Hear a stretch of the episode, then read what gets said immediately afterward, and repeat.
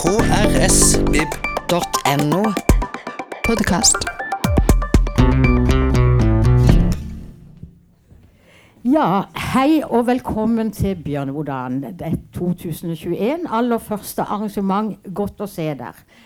I dag åpner vi altså med en uh, gjest som er professor i medievitenskap. Han er historiker, journalist, forfatter og også tidligere kulturredaktør i Dagbladet. Det er litt av en uh, liste. Han mottok Fritt Ords honnør både i 2009 og 2019 og innvalgt i Det norske vitenskapelige akademi. Og da må vi jo også ha en professor som kan matche. Så vi har fått Bjarne Markussen, som er professor i nordisk litteraturvitenskap. Og dette handler altså om rettssakene som kneblet fra Hans Nilsen Hauge til Jens Bjørneboe. Ta godt imot Hans Fredrik Dahl og Bjarne Markussen.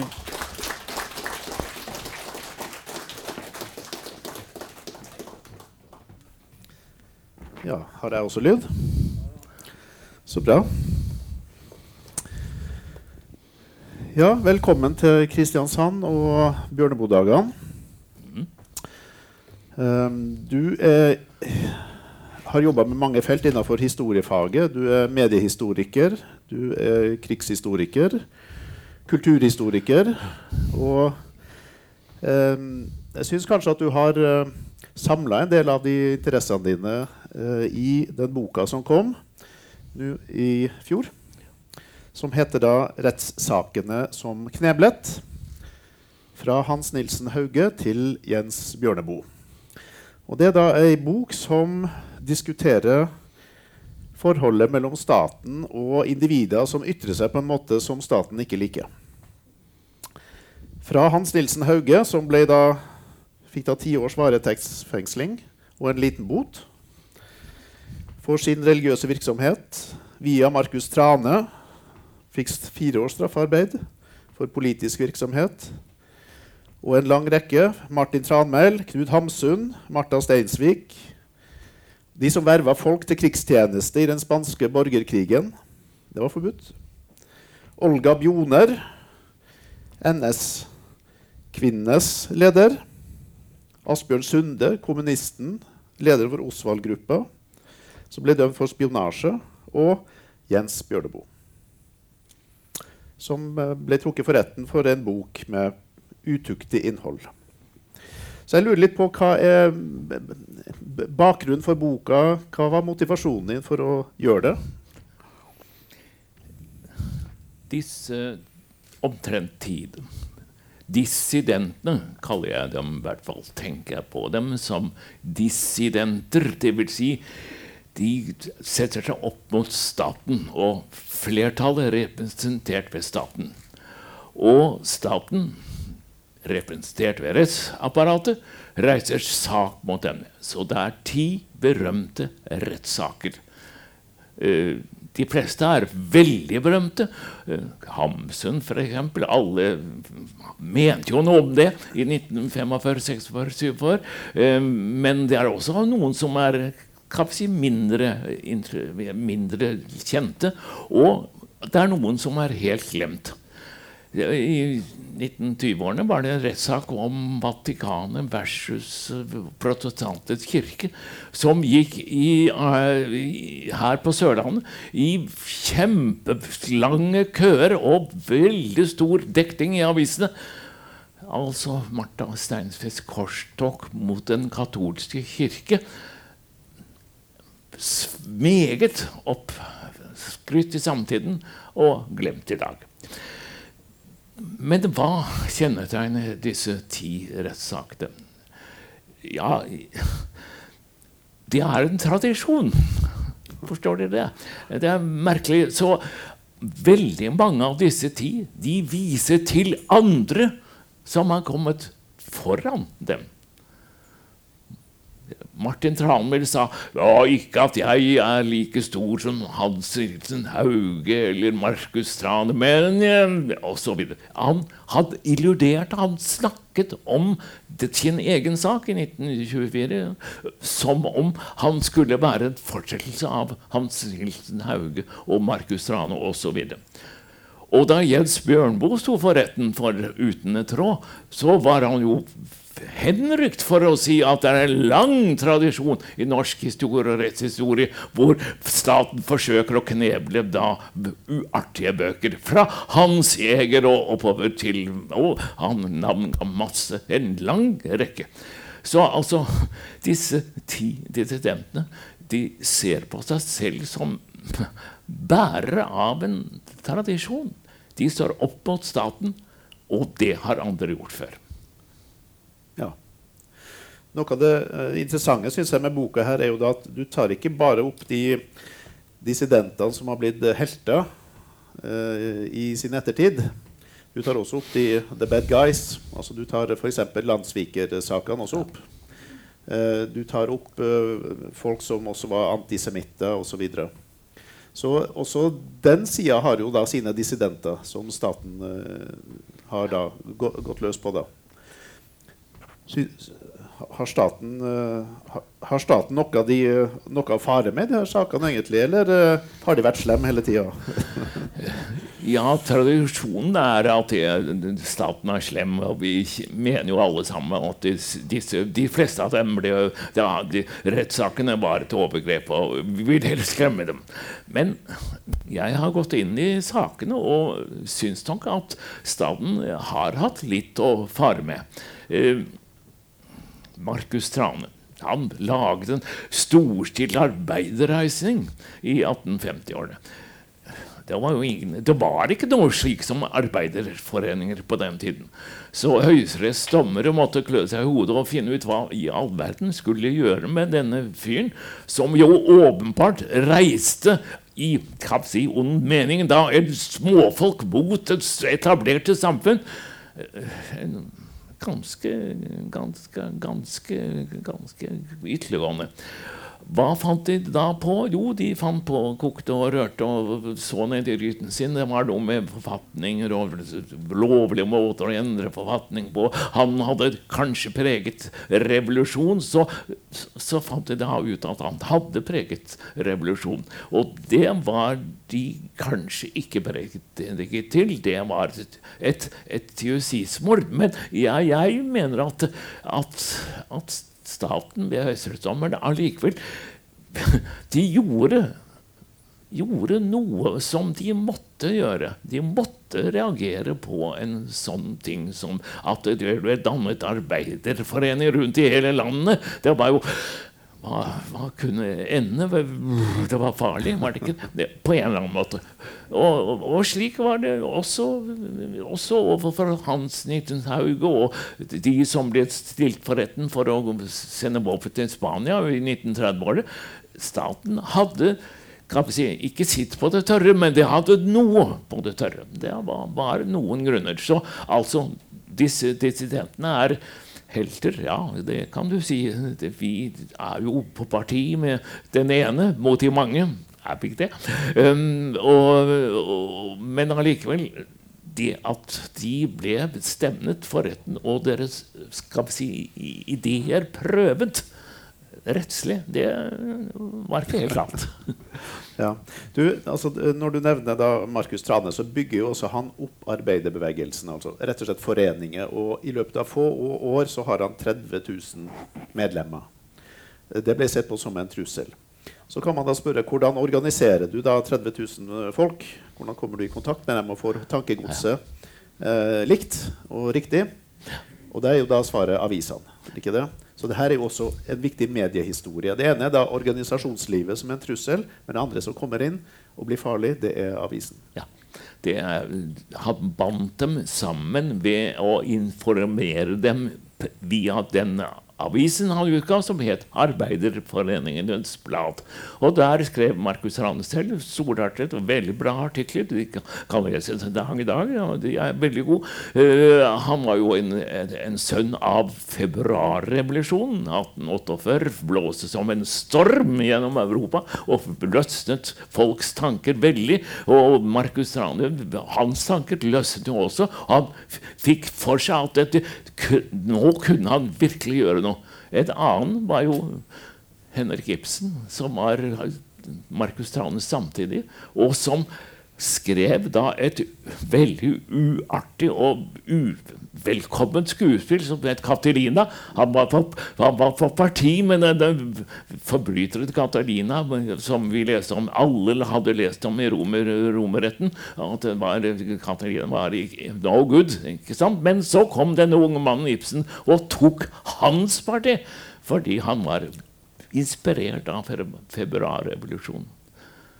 Og du har jo selv ja. skrevet om Ibsen og, i denne sammenheng. Hva var Ibsen en dissident?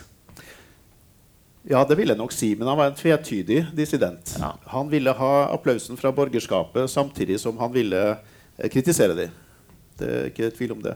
Og Du nevner jo også i boka her at uh, det lå et Ibsen-manuskript uh, i, i lokalene til Markus Trane. Ja da han ble arrestert, men det manuskriptet det ble heldigvis da uh, uh, kom unna. så politiet Heldigvis for dere litteraturforskere. Ja, det er godt det.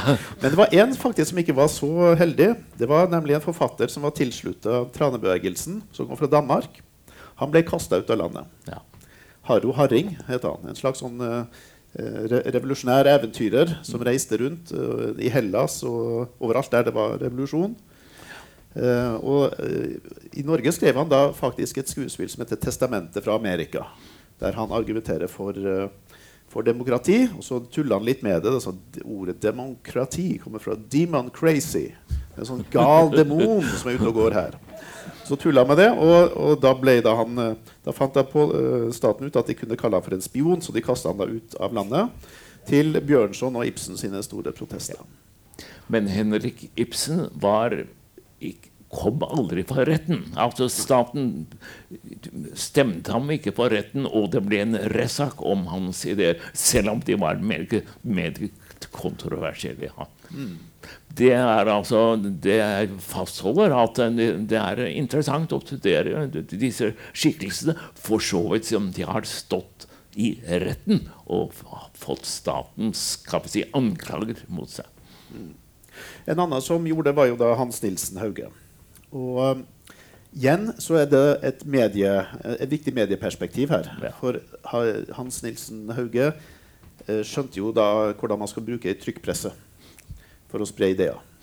Så, eh, så også der er det et medie veldig viktig for å spre ideer. Men her er det en helt annen type organisasjon som, som blir trussel. Det er ikke den organiserte fagforening. Det, det, det, var Igjen vil jeg si at staten måtte jo på en måte få et forhold til dette. For som dere alle vet, Hans Sauge var jo en enkeltbondesønn fra, fra, fra Østfold. Og han fikk for seg at folk skulle og måtte bli frelst. Ja. Jo, vi kan jo fortjene det, noen og enhver, selvfølgelig. Men han sto opp og prekte Guds ord rent og purt for at de, vi, skulle bli frelst. Først familien, så nabolaget, gårdene i bygda og fylket og etter hvert hele landet. Så hadde Hans Nilsen Hauge tilgjengere, celler, eller som han sa, venner. Og de hadde et religiøst siktemål. De skulle frelse de stakkars nordmennene som ellers ville gå fortapt. Eh, er, men eh, så gjorde han selvfølgelig mange ting. Han reiste rundt i disse foreningene. Var det lov å reise så mye rundt? Og så holdt han prekener. Var det lov for en legmann å preke? Ja, det måtte staten prøve. Og så skjelte han jo prestene og sa at de var udugelige. Kjære min, han var jo så injurerende mot presseskapet. Var det lovlig? Og så videre. Det var mange ting som måtte prøves. Og enden ble jo at det er en kombinasjon, som du sa, av ti års varetekt i streng festingsarrest i jern. Han ble jo nedbrutt. Og så da rettssaken endelig kom opp uh, i desember 1814 så var det en ganske liten bot han fikk. Etter å ha sittet ti år i varetekt. Det var, det var jo en, et overgrep av dimensjoner. Men dommen i seg selv er til å forstå. Ja. Men han fikk ikke kompensasjon for uh, ti år i varetekt. Altså. Nei. Nei. Det ville han fått i dag. Ja. Han, altså man, eh, når man står overfor nye, altså retten står overfor litt nye situasjoner her, nye medier dukker opp, nye organisasjonsformer dukker opp, så må man prøve å hekte hendelsene på noen eh, knagger. da, sånne juridiske knagger som man kan ta folk. Og eh, du, du nevnte det at han reiste rundt. Der kunne de ta ham på det, for det var ikke lov. Og det andre var da den såkalte konentikkelplakaten. Han Kan si skulle? Han skulle si fra til sognepresten om at jeg gjerne holder en oppbyggelse på denne, denne gården. Det var ikke forbudt for legfolk å preke. Nei, for all del. Det, det ønsket jo regjeringen i København. Det, ønsket jo kristelige undersåtter. Men altså, han, det skulle skje på den måten at legpredikanter skulle melde fra til sognepresten på forhånd. Og det gjorde han vel ikke. Men det er også en sånn tvetydighet her, fordi øh, vel også under øh, rettssaken så Og man begynte jo, hadde jo lange, eh, lange etterforsknings, mye etterforskning rundt om i landet. Så fant man jo ut at denne Hauge hadde jo gjort noe godt også. Det var jo, altså, han, var jo ikke bare, han hadde ikke gjort bare gale ting, man så jo også at han hadde gjort gode ting. Ja, Hvordan skulle de så håndtere den Ja, ja, det, det, altså Hauge-saken var kontroversiell fordi Hauge hadde sine forsvarere. Biskopen i Bergen forsvarte ham.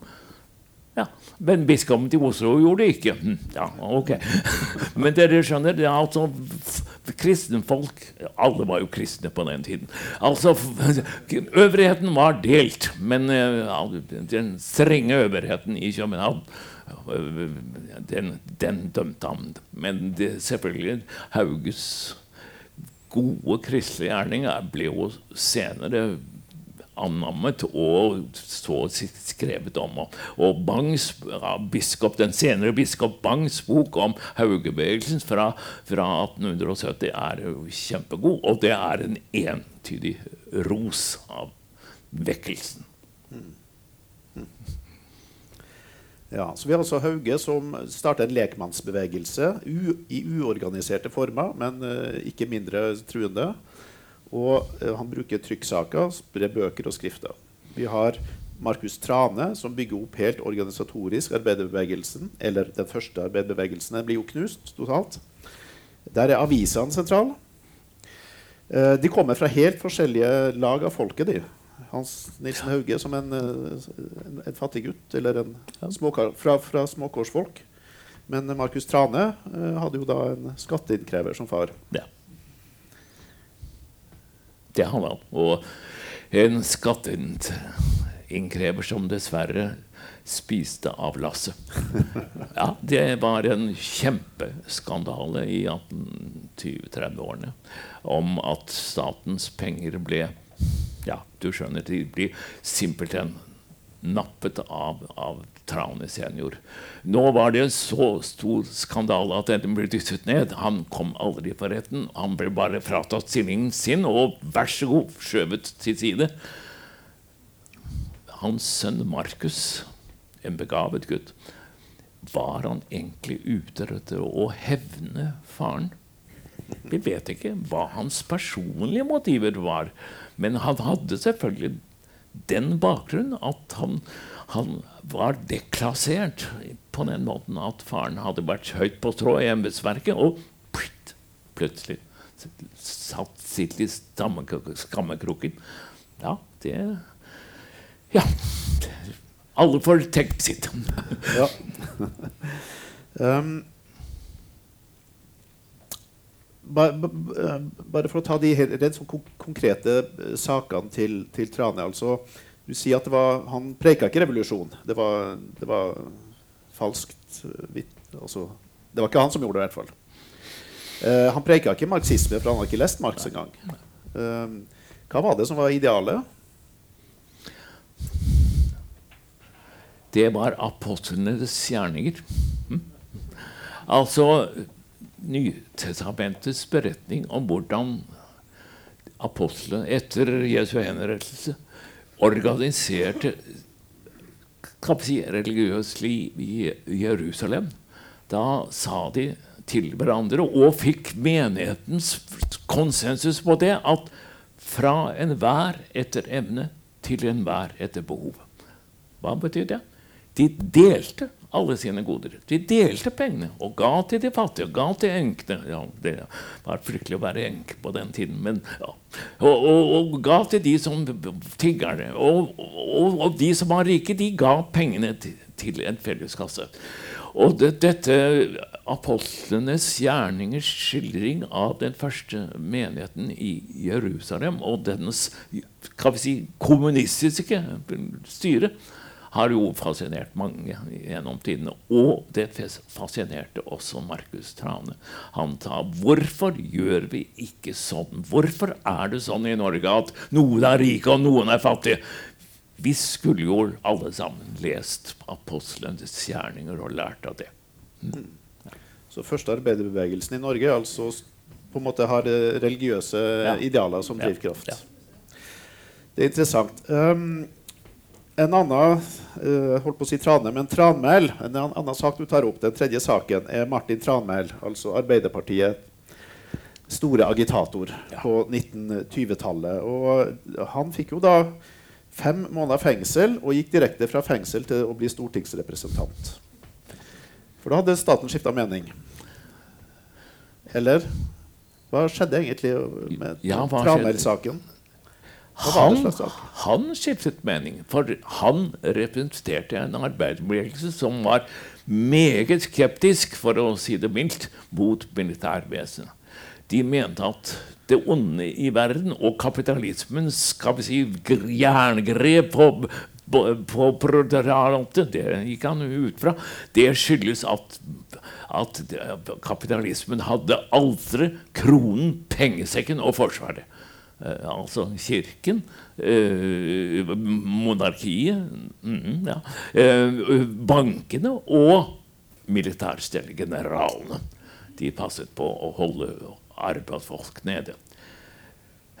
Det var læren i den norske arbeiderbevegelse helt til 1930-årene, da Hitler dukket opp i Tyskland, og man forsto at det Kanskje var det riktig å bevæpne seg litt, litt forsiktig, men mer og mer. Og i 1947-48 så var jo stemningen en helt annen. Da måtte vi forsvare oss mot Sovjetunionen med å gå i allianse med USA, Nato. Altså, så de, de, Martin Tran og, og, og, hans feller fra den gang de var nå blitt gamle menn, de, men de talte for Nato. Og det, hvordan de kunne tale for en militærallianse når de som unge menn og kvinner hadde ment noe helt annet, det er, det er rart. Men så rar er verden. Eh, ja, ikke sant? dere forstår det alle sammen at stormaktene, enten de heter Nazi-Tyskland eller Sovjetunionen, kan være så truende for et lite land at man kan si, skifter mening om forsvarsspørsmål. Mm. Men det de rett og slett oppfordra til, det var militærstreik? Ja. Da, I 1920-årene var de ennå så, så antimilitaristiske at uh, militærstreiken, det at rekruttene skulle nekte å møte opp, det var en god Det ville så å si få Forsvaret til å rådne opp innenfra, og det ønsket de. Men det var forbudt etter loven, for det sto jo i straffeloven at det var forbudt å oppfordre folk til å la være å gjøre militærtjeneste. For militærtjeneste var en plikt for alle. Så hvordan Tranmæl og hans ti medarbeidere da kunne, si, kunne tro at dette ville gå, det er litt gåtefullt. Men de sto på sitt. De var antimilitarister.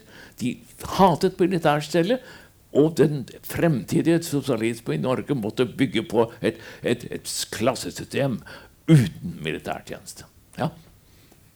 De gikk faktisk inn for en ensidig nedrustning. Ja. Gjorde ikke det i partiprogrammet til Arbeiderpartiet i 1915? Ja. Men det betyr også at et partiprogram blir da erklært ulovlig. Eller? Nei. ja, det, det er veldig komplisert. Det er lov, og har alltid vært lov i Norge, å ha luftige tanker. Mhm, sånn.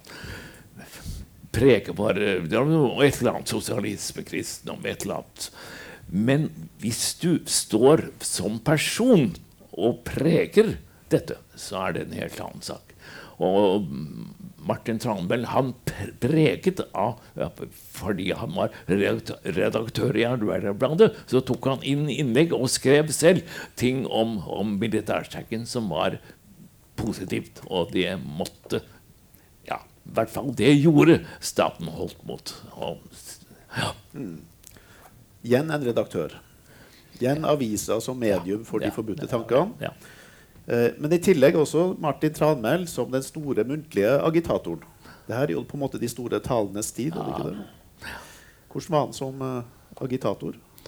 Ja, Tranmæl som agitator Ja, dere forstår jo alle sammen at det er litt vanskelig å ta en agitator for å ha sagt gale ting. For hva har han egentlig sagt? Ja, når han sto der på Eidsvolls plass og slynget ut av setninger om sånn Hva hadde han egentlig sagt? Det var mye enklere å si hva hadde han skrevet i sin leder i Arbeiderbladet. Derfor er mange av disse eh, dissidentene de er tatt for hva de har skrevet, og ikke for hva de har sagt. Bortsett da fra Markus Trane. Han ble tatt for hva han angivelig hadde sagt. Og det var, det var et justismord. Mm. Så det skrevne ordet det fanger på en helt annen måte enn eh, det talte ordet. Mm. Du nevnte det at uh, det er altså forbudt å oppfordre til militær streik eller militærnekting. Uh, går vi da til 1930-tallet, uh, 1937, så bryter jo da borgerkrigen ut. Eller 36? Ja. 36. Borgerkrigen i Spania ut.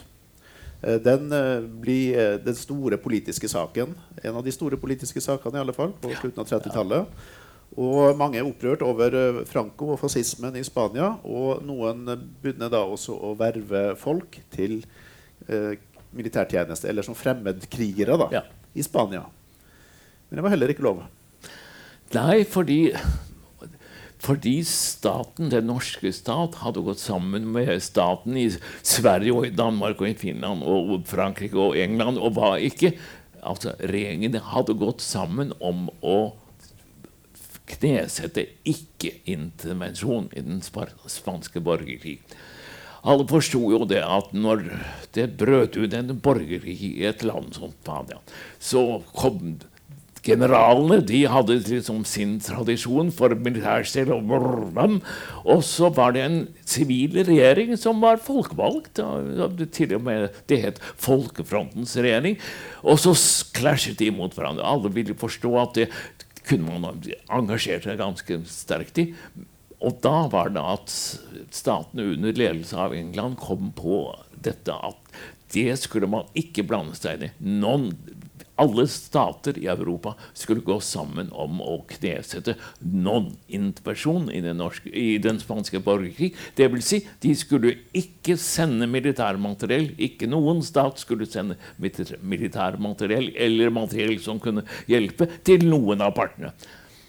Ok, det gjorde de ikke, men eh, ålreit, det, var- det var statens prinsipp.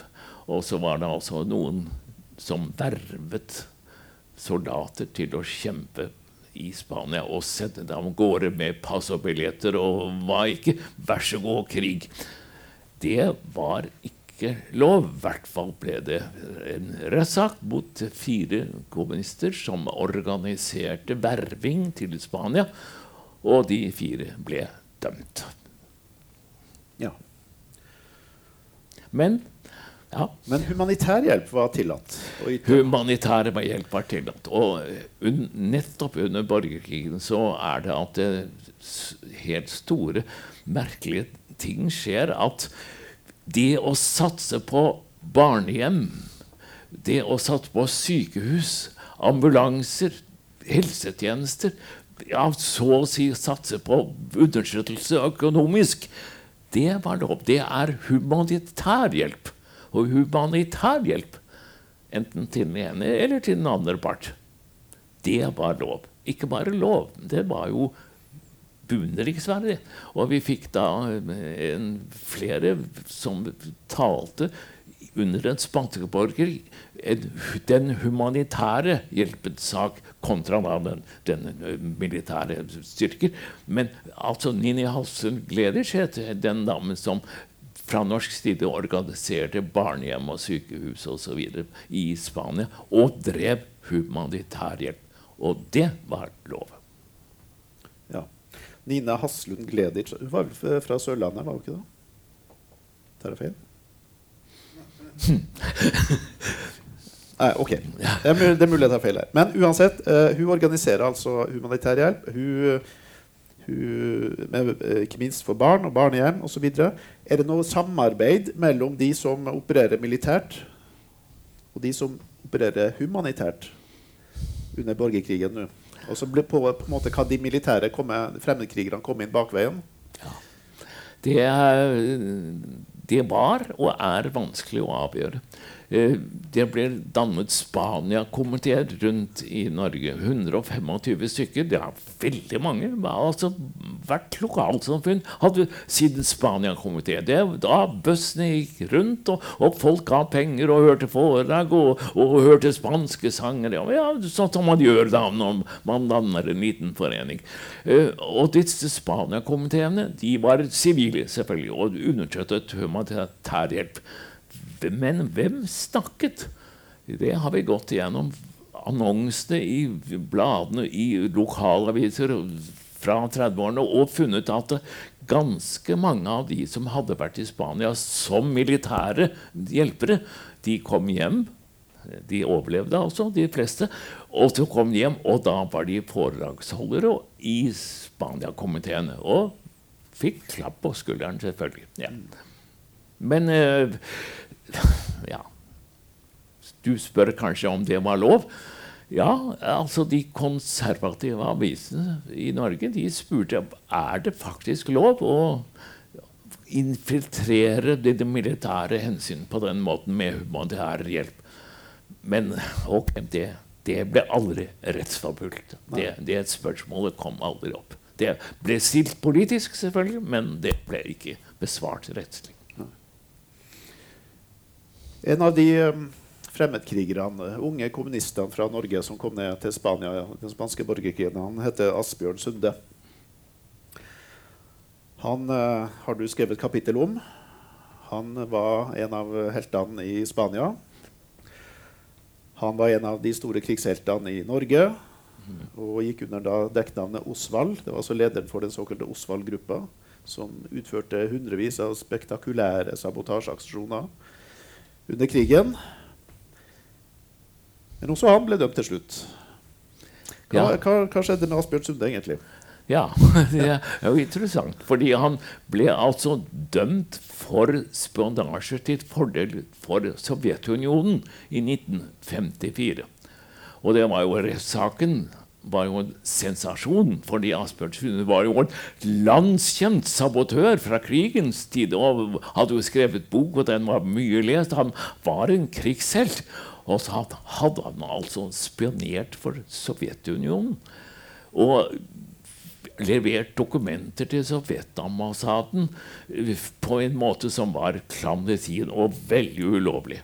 Ikke bare hadde han si, levert hemmelige dokumenter om norske styrker og militære operasjoner, og sånt, men han hadde til og med forsøkt å, å riste av seg politiet da han ble skygget i denne virksomheten. Han løp på kryss og tvers gjennom Oslo, hoppet på trikker, hoppet av trikker, gjorde alt for å ikke bli oppdaget. Hva var det han hadde? Han hadde selvfølgelig en lojalitet til Sovjetunionen og kommunismen som var gjennomgripende og eldre enn si, man kunne ane. Og under rettssaken kom det opp at hans virksomhet i Spania ble etterfulgt av en virksomhet, hemmelig virksomhet for Sovjetunionen. Skipssabotasje. Kan man tenke seg sabotasje av fredelige handelsskip i 1930-årene? Kanskje de fraktet noe som Sovjetunionen ikke likte. Og så smalt det, og så gikk de til bunns. Denne Vollweber-organisasjonen var en hemmelig sabotasjeorganisasjon som Asbjørn Sunde deltok i. Så ble han krigshelt under krigen. Ja, mm, ja, ja. Da var vi jo på parti med Sovjet så en stund. Men etter krigen fortsatte han å være kommunist og Moskva-vennlig. Og til slutt ble han dømt for det. Jeg, jeg, ser ham som en veldig interessant skikkelse. Han hadde altså en lojalitet. En ung norsk kommunist hadde lojalitet til Moskva, til et kommunistisk system, som var sterkere enn hans lojalitet til Norge, da. Fedrelandet. Eh, nei, han mente at landets første og største arbeiderstyrte land måtte ha første prioritet. Og det er vanskelig med disse dissidentene.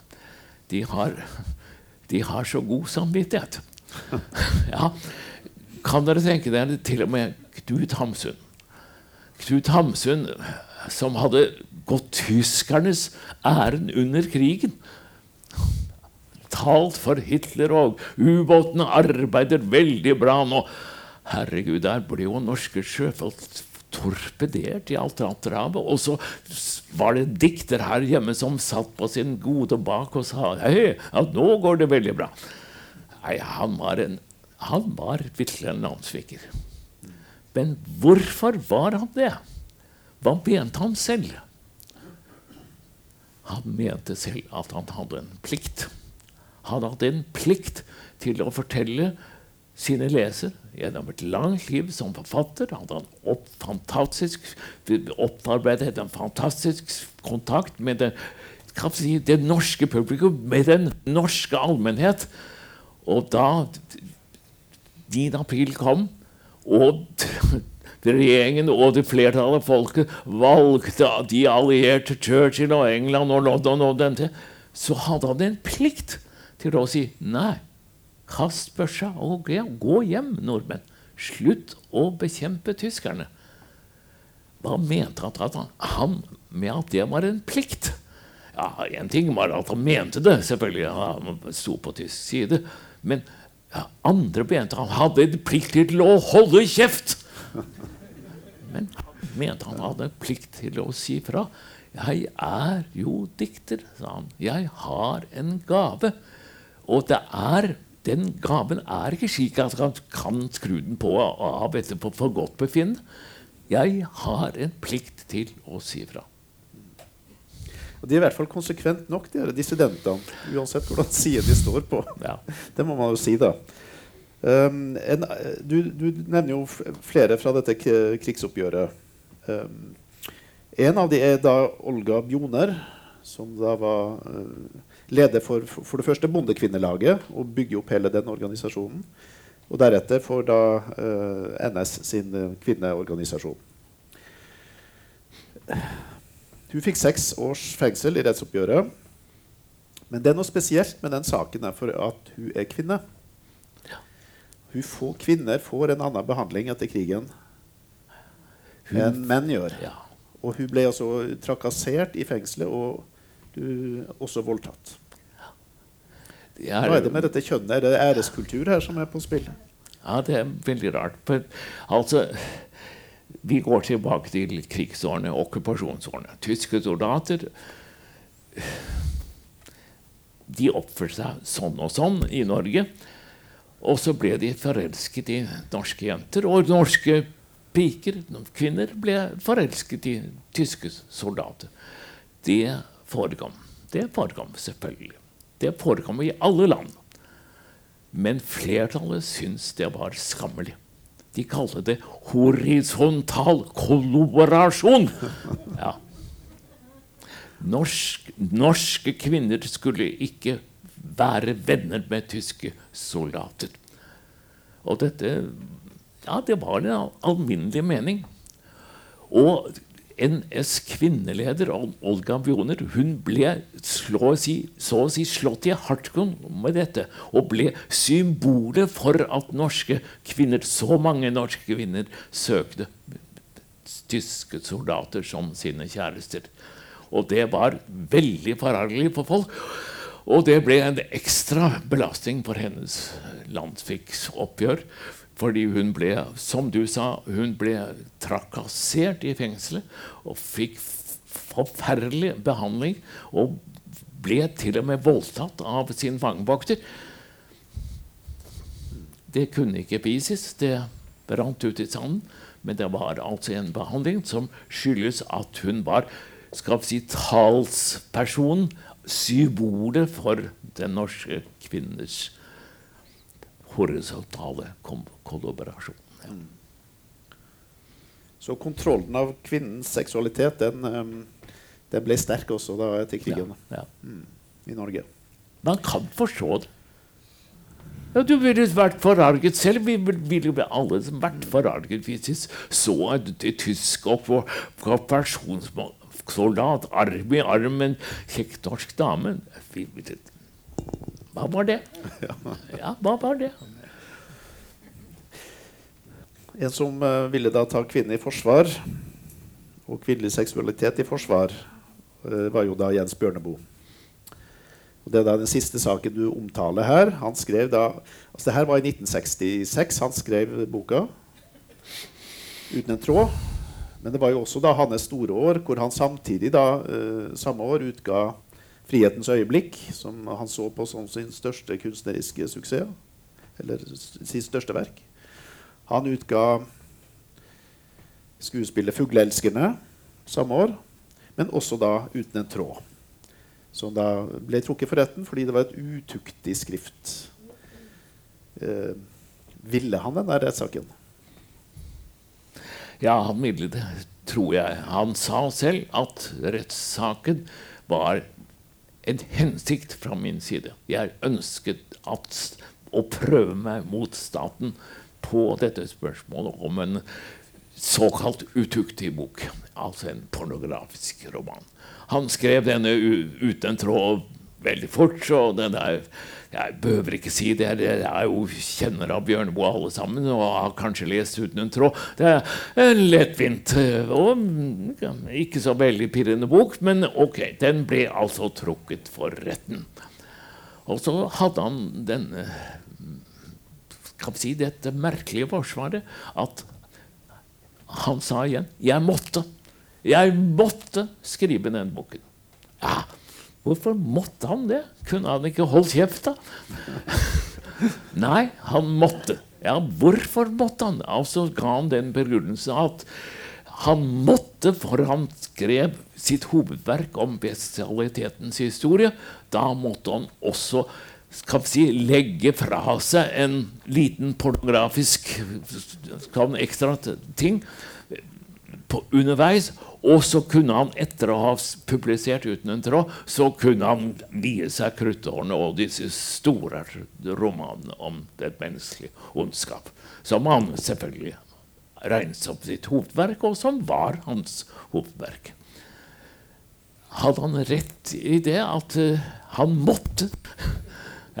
Ja, det, det, det, er et spørsmål dere alle kan sikkert ha forskjellige meninger om. Jeg har forsøkt å stille det til meg selv.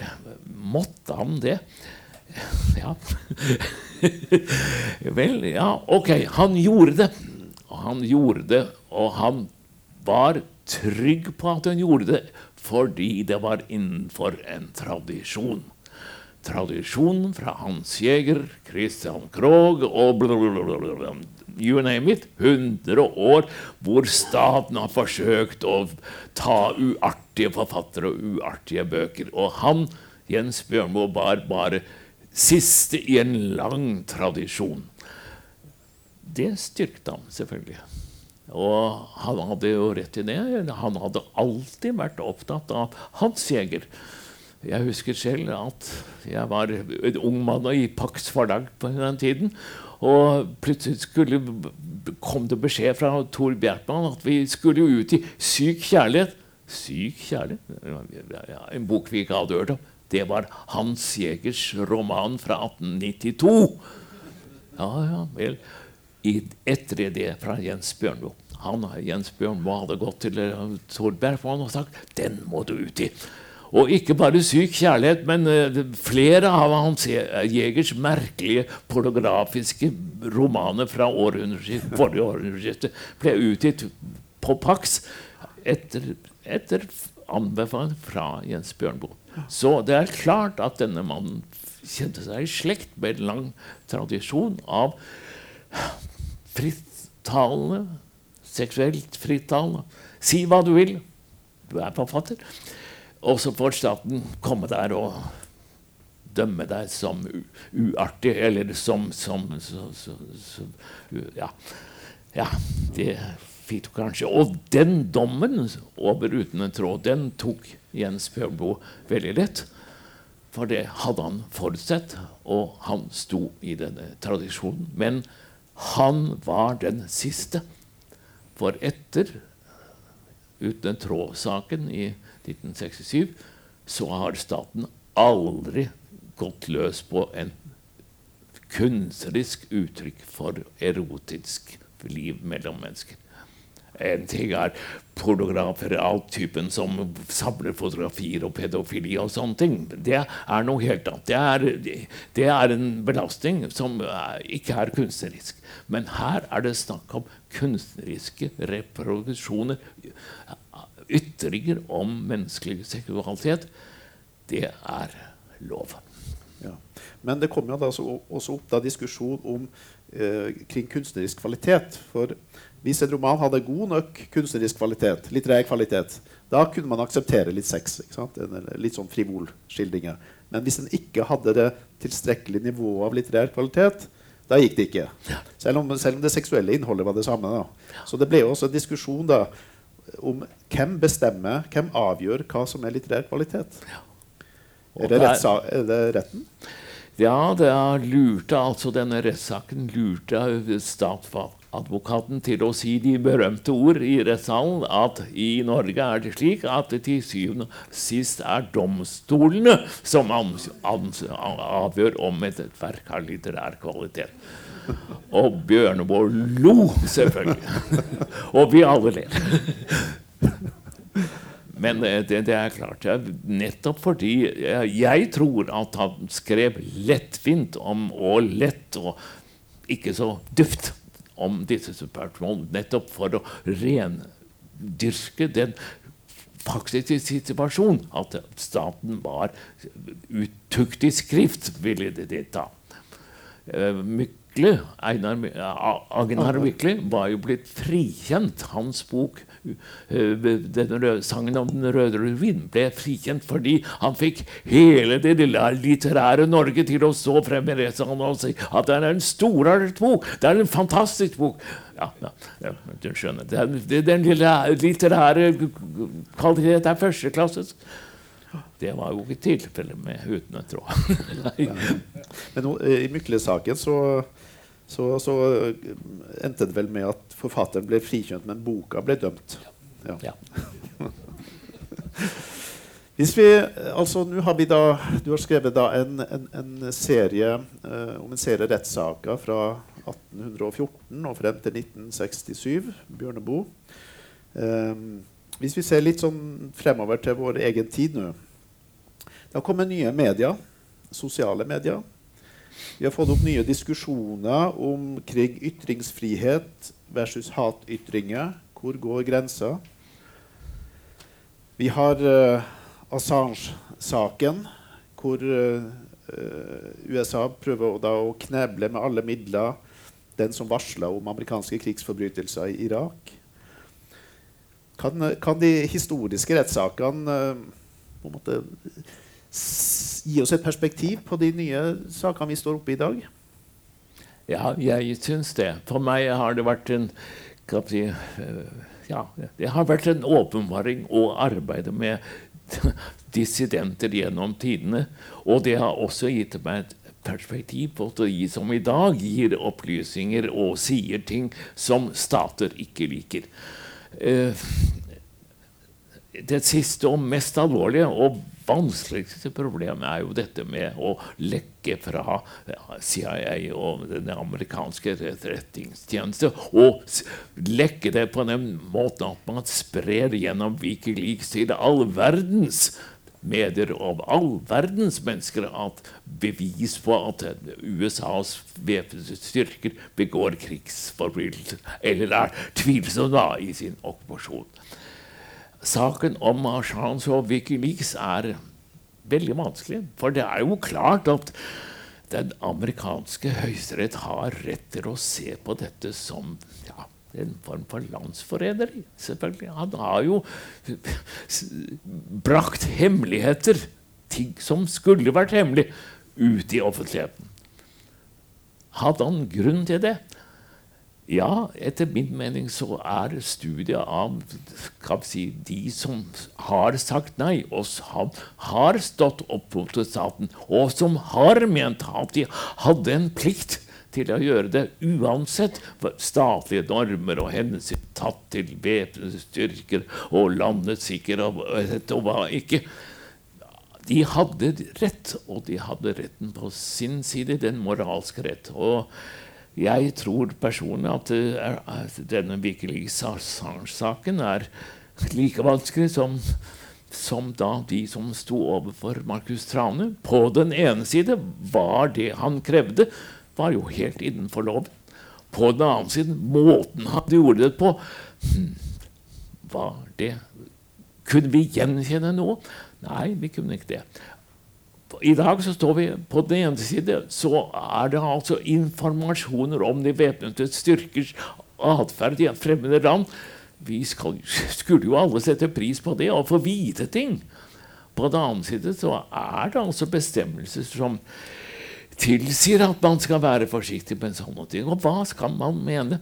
Jo, da mener jeg at personen som lekket de forargelige opplysningene er, har moralsk rett på sin side. Og ja, vi får se hva rettssaken blir, om det blir rettssak. Og det er hensyn på begge sider, selvfølgelig. Men det, si, tradisjonen og historien tilsier at, at, det er en veldig sterk mening hos de som står opp mot staten, at de har rett, rett på sin side. Jeg tror faktisk vi avslutter med de ordene der. Det syns jeg passer veldig godt. Så tusen takk for ja. samtalen. Ok. Takk skal du ha.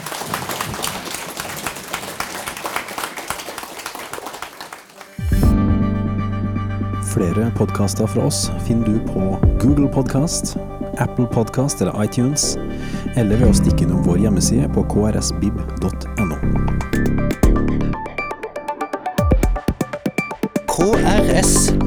KRSBib.no podkast.